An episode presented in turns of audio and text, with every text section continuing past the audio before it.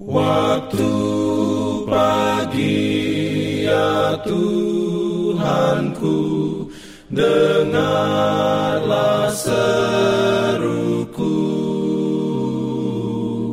Melayang doa yang sungguh Memandang padamu. Selamat pagi pendengar Radio Advent Suara Pengharapan Mari mendengarkan suara Tuhan melalui tulisan pena inspirasi Yesus, nama di atas segala nama. Renungan harian 21 Februari 2024 dengan judul Pencipta. Ayat inti diambil dari Matius 13 ayat 35. Firman Tuhan berbunyi, Aku mau mengucapkan hal yang tersembunyi sejak dunia dijadikan takut Tuhan beroleh rahmatnya. Diberikannya perlindungan dalam pimpinannya. Urayanya sebagai berikut. Kitab suci mengatakan Semuanya itu disampaikan Yesus kepada orang banyak dalam perumpamaan, supaya genaplah firman yang disampaikan oleh Nabi. Aku mau membuka mulutku mengatakan perumpamaan. Aku mau mengucapkan hal yang tersembunyi sejak dunia dijadikan. Benda-benda yang di alam adalah perantara untuk perkara-perkara rohani. Benda-benda alam dan pengalaman hidup para pendengarnya dihubungkan dengan kebenaran-kebenaran firman yang tertulis itu. Jadi bertolak dari alam kepada kerajaan rohani, perumpamaan-perumpamaan Kristus adalah mata rantai dalam rantai kebenaran yang mempersatukan manusia dengan Allah dan bumi dengan surga.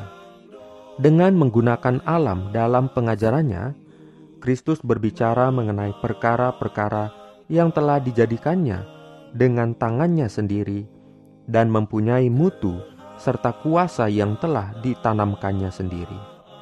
Dalam kesempurnaannya yang asli, segala sesuatu yang telah diciptakan merupakan suatu pernyataan pikiran Allah.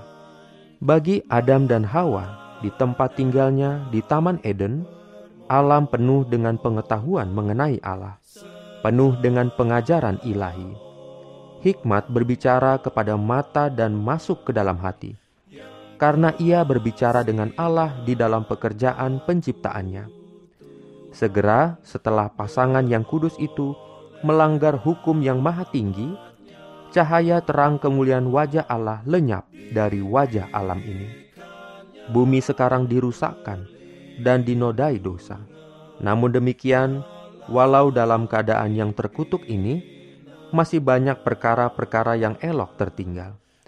Pelajaran-pelajaran Allah yang praktis tidak dihapuskan.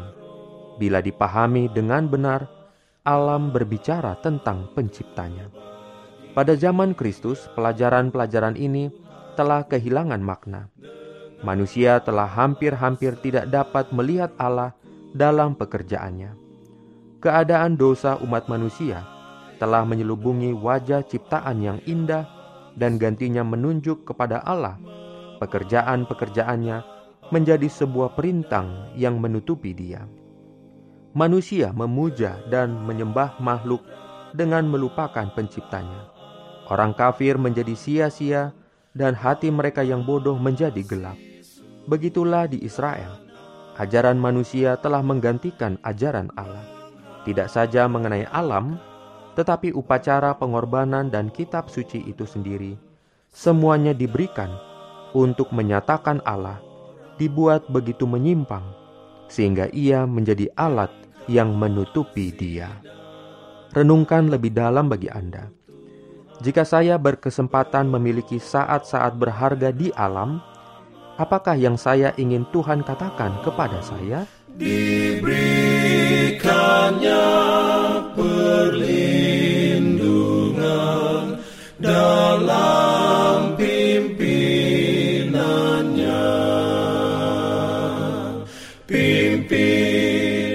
Jangan lupa untuk melanjutkan bacaan Alkitab sedunia. Percayalah kepada nabi-nabinya yang untuk hari ini melanjutkan dari buku Yeremia pasal 24. Selamat beraktivitas hari ini. Tuhan memberkati kita semua. jalan kewajiban jalan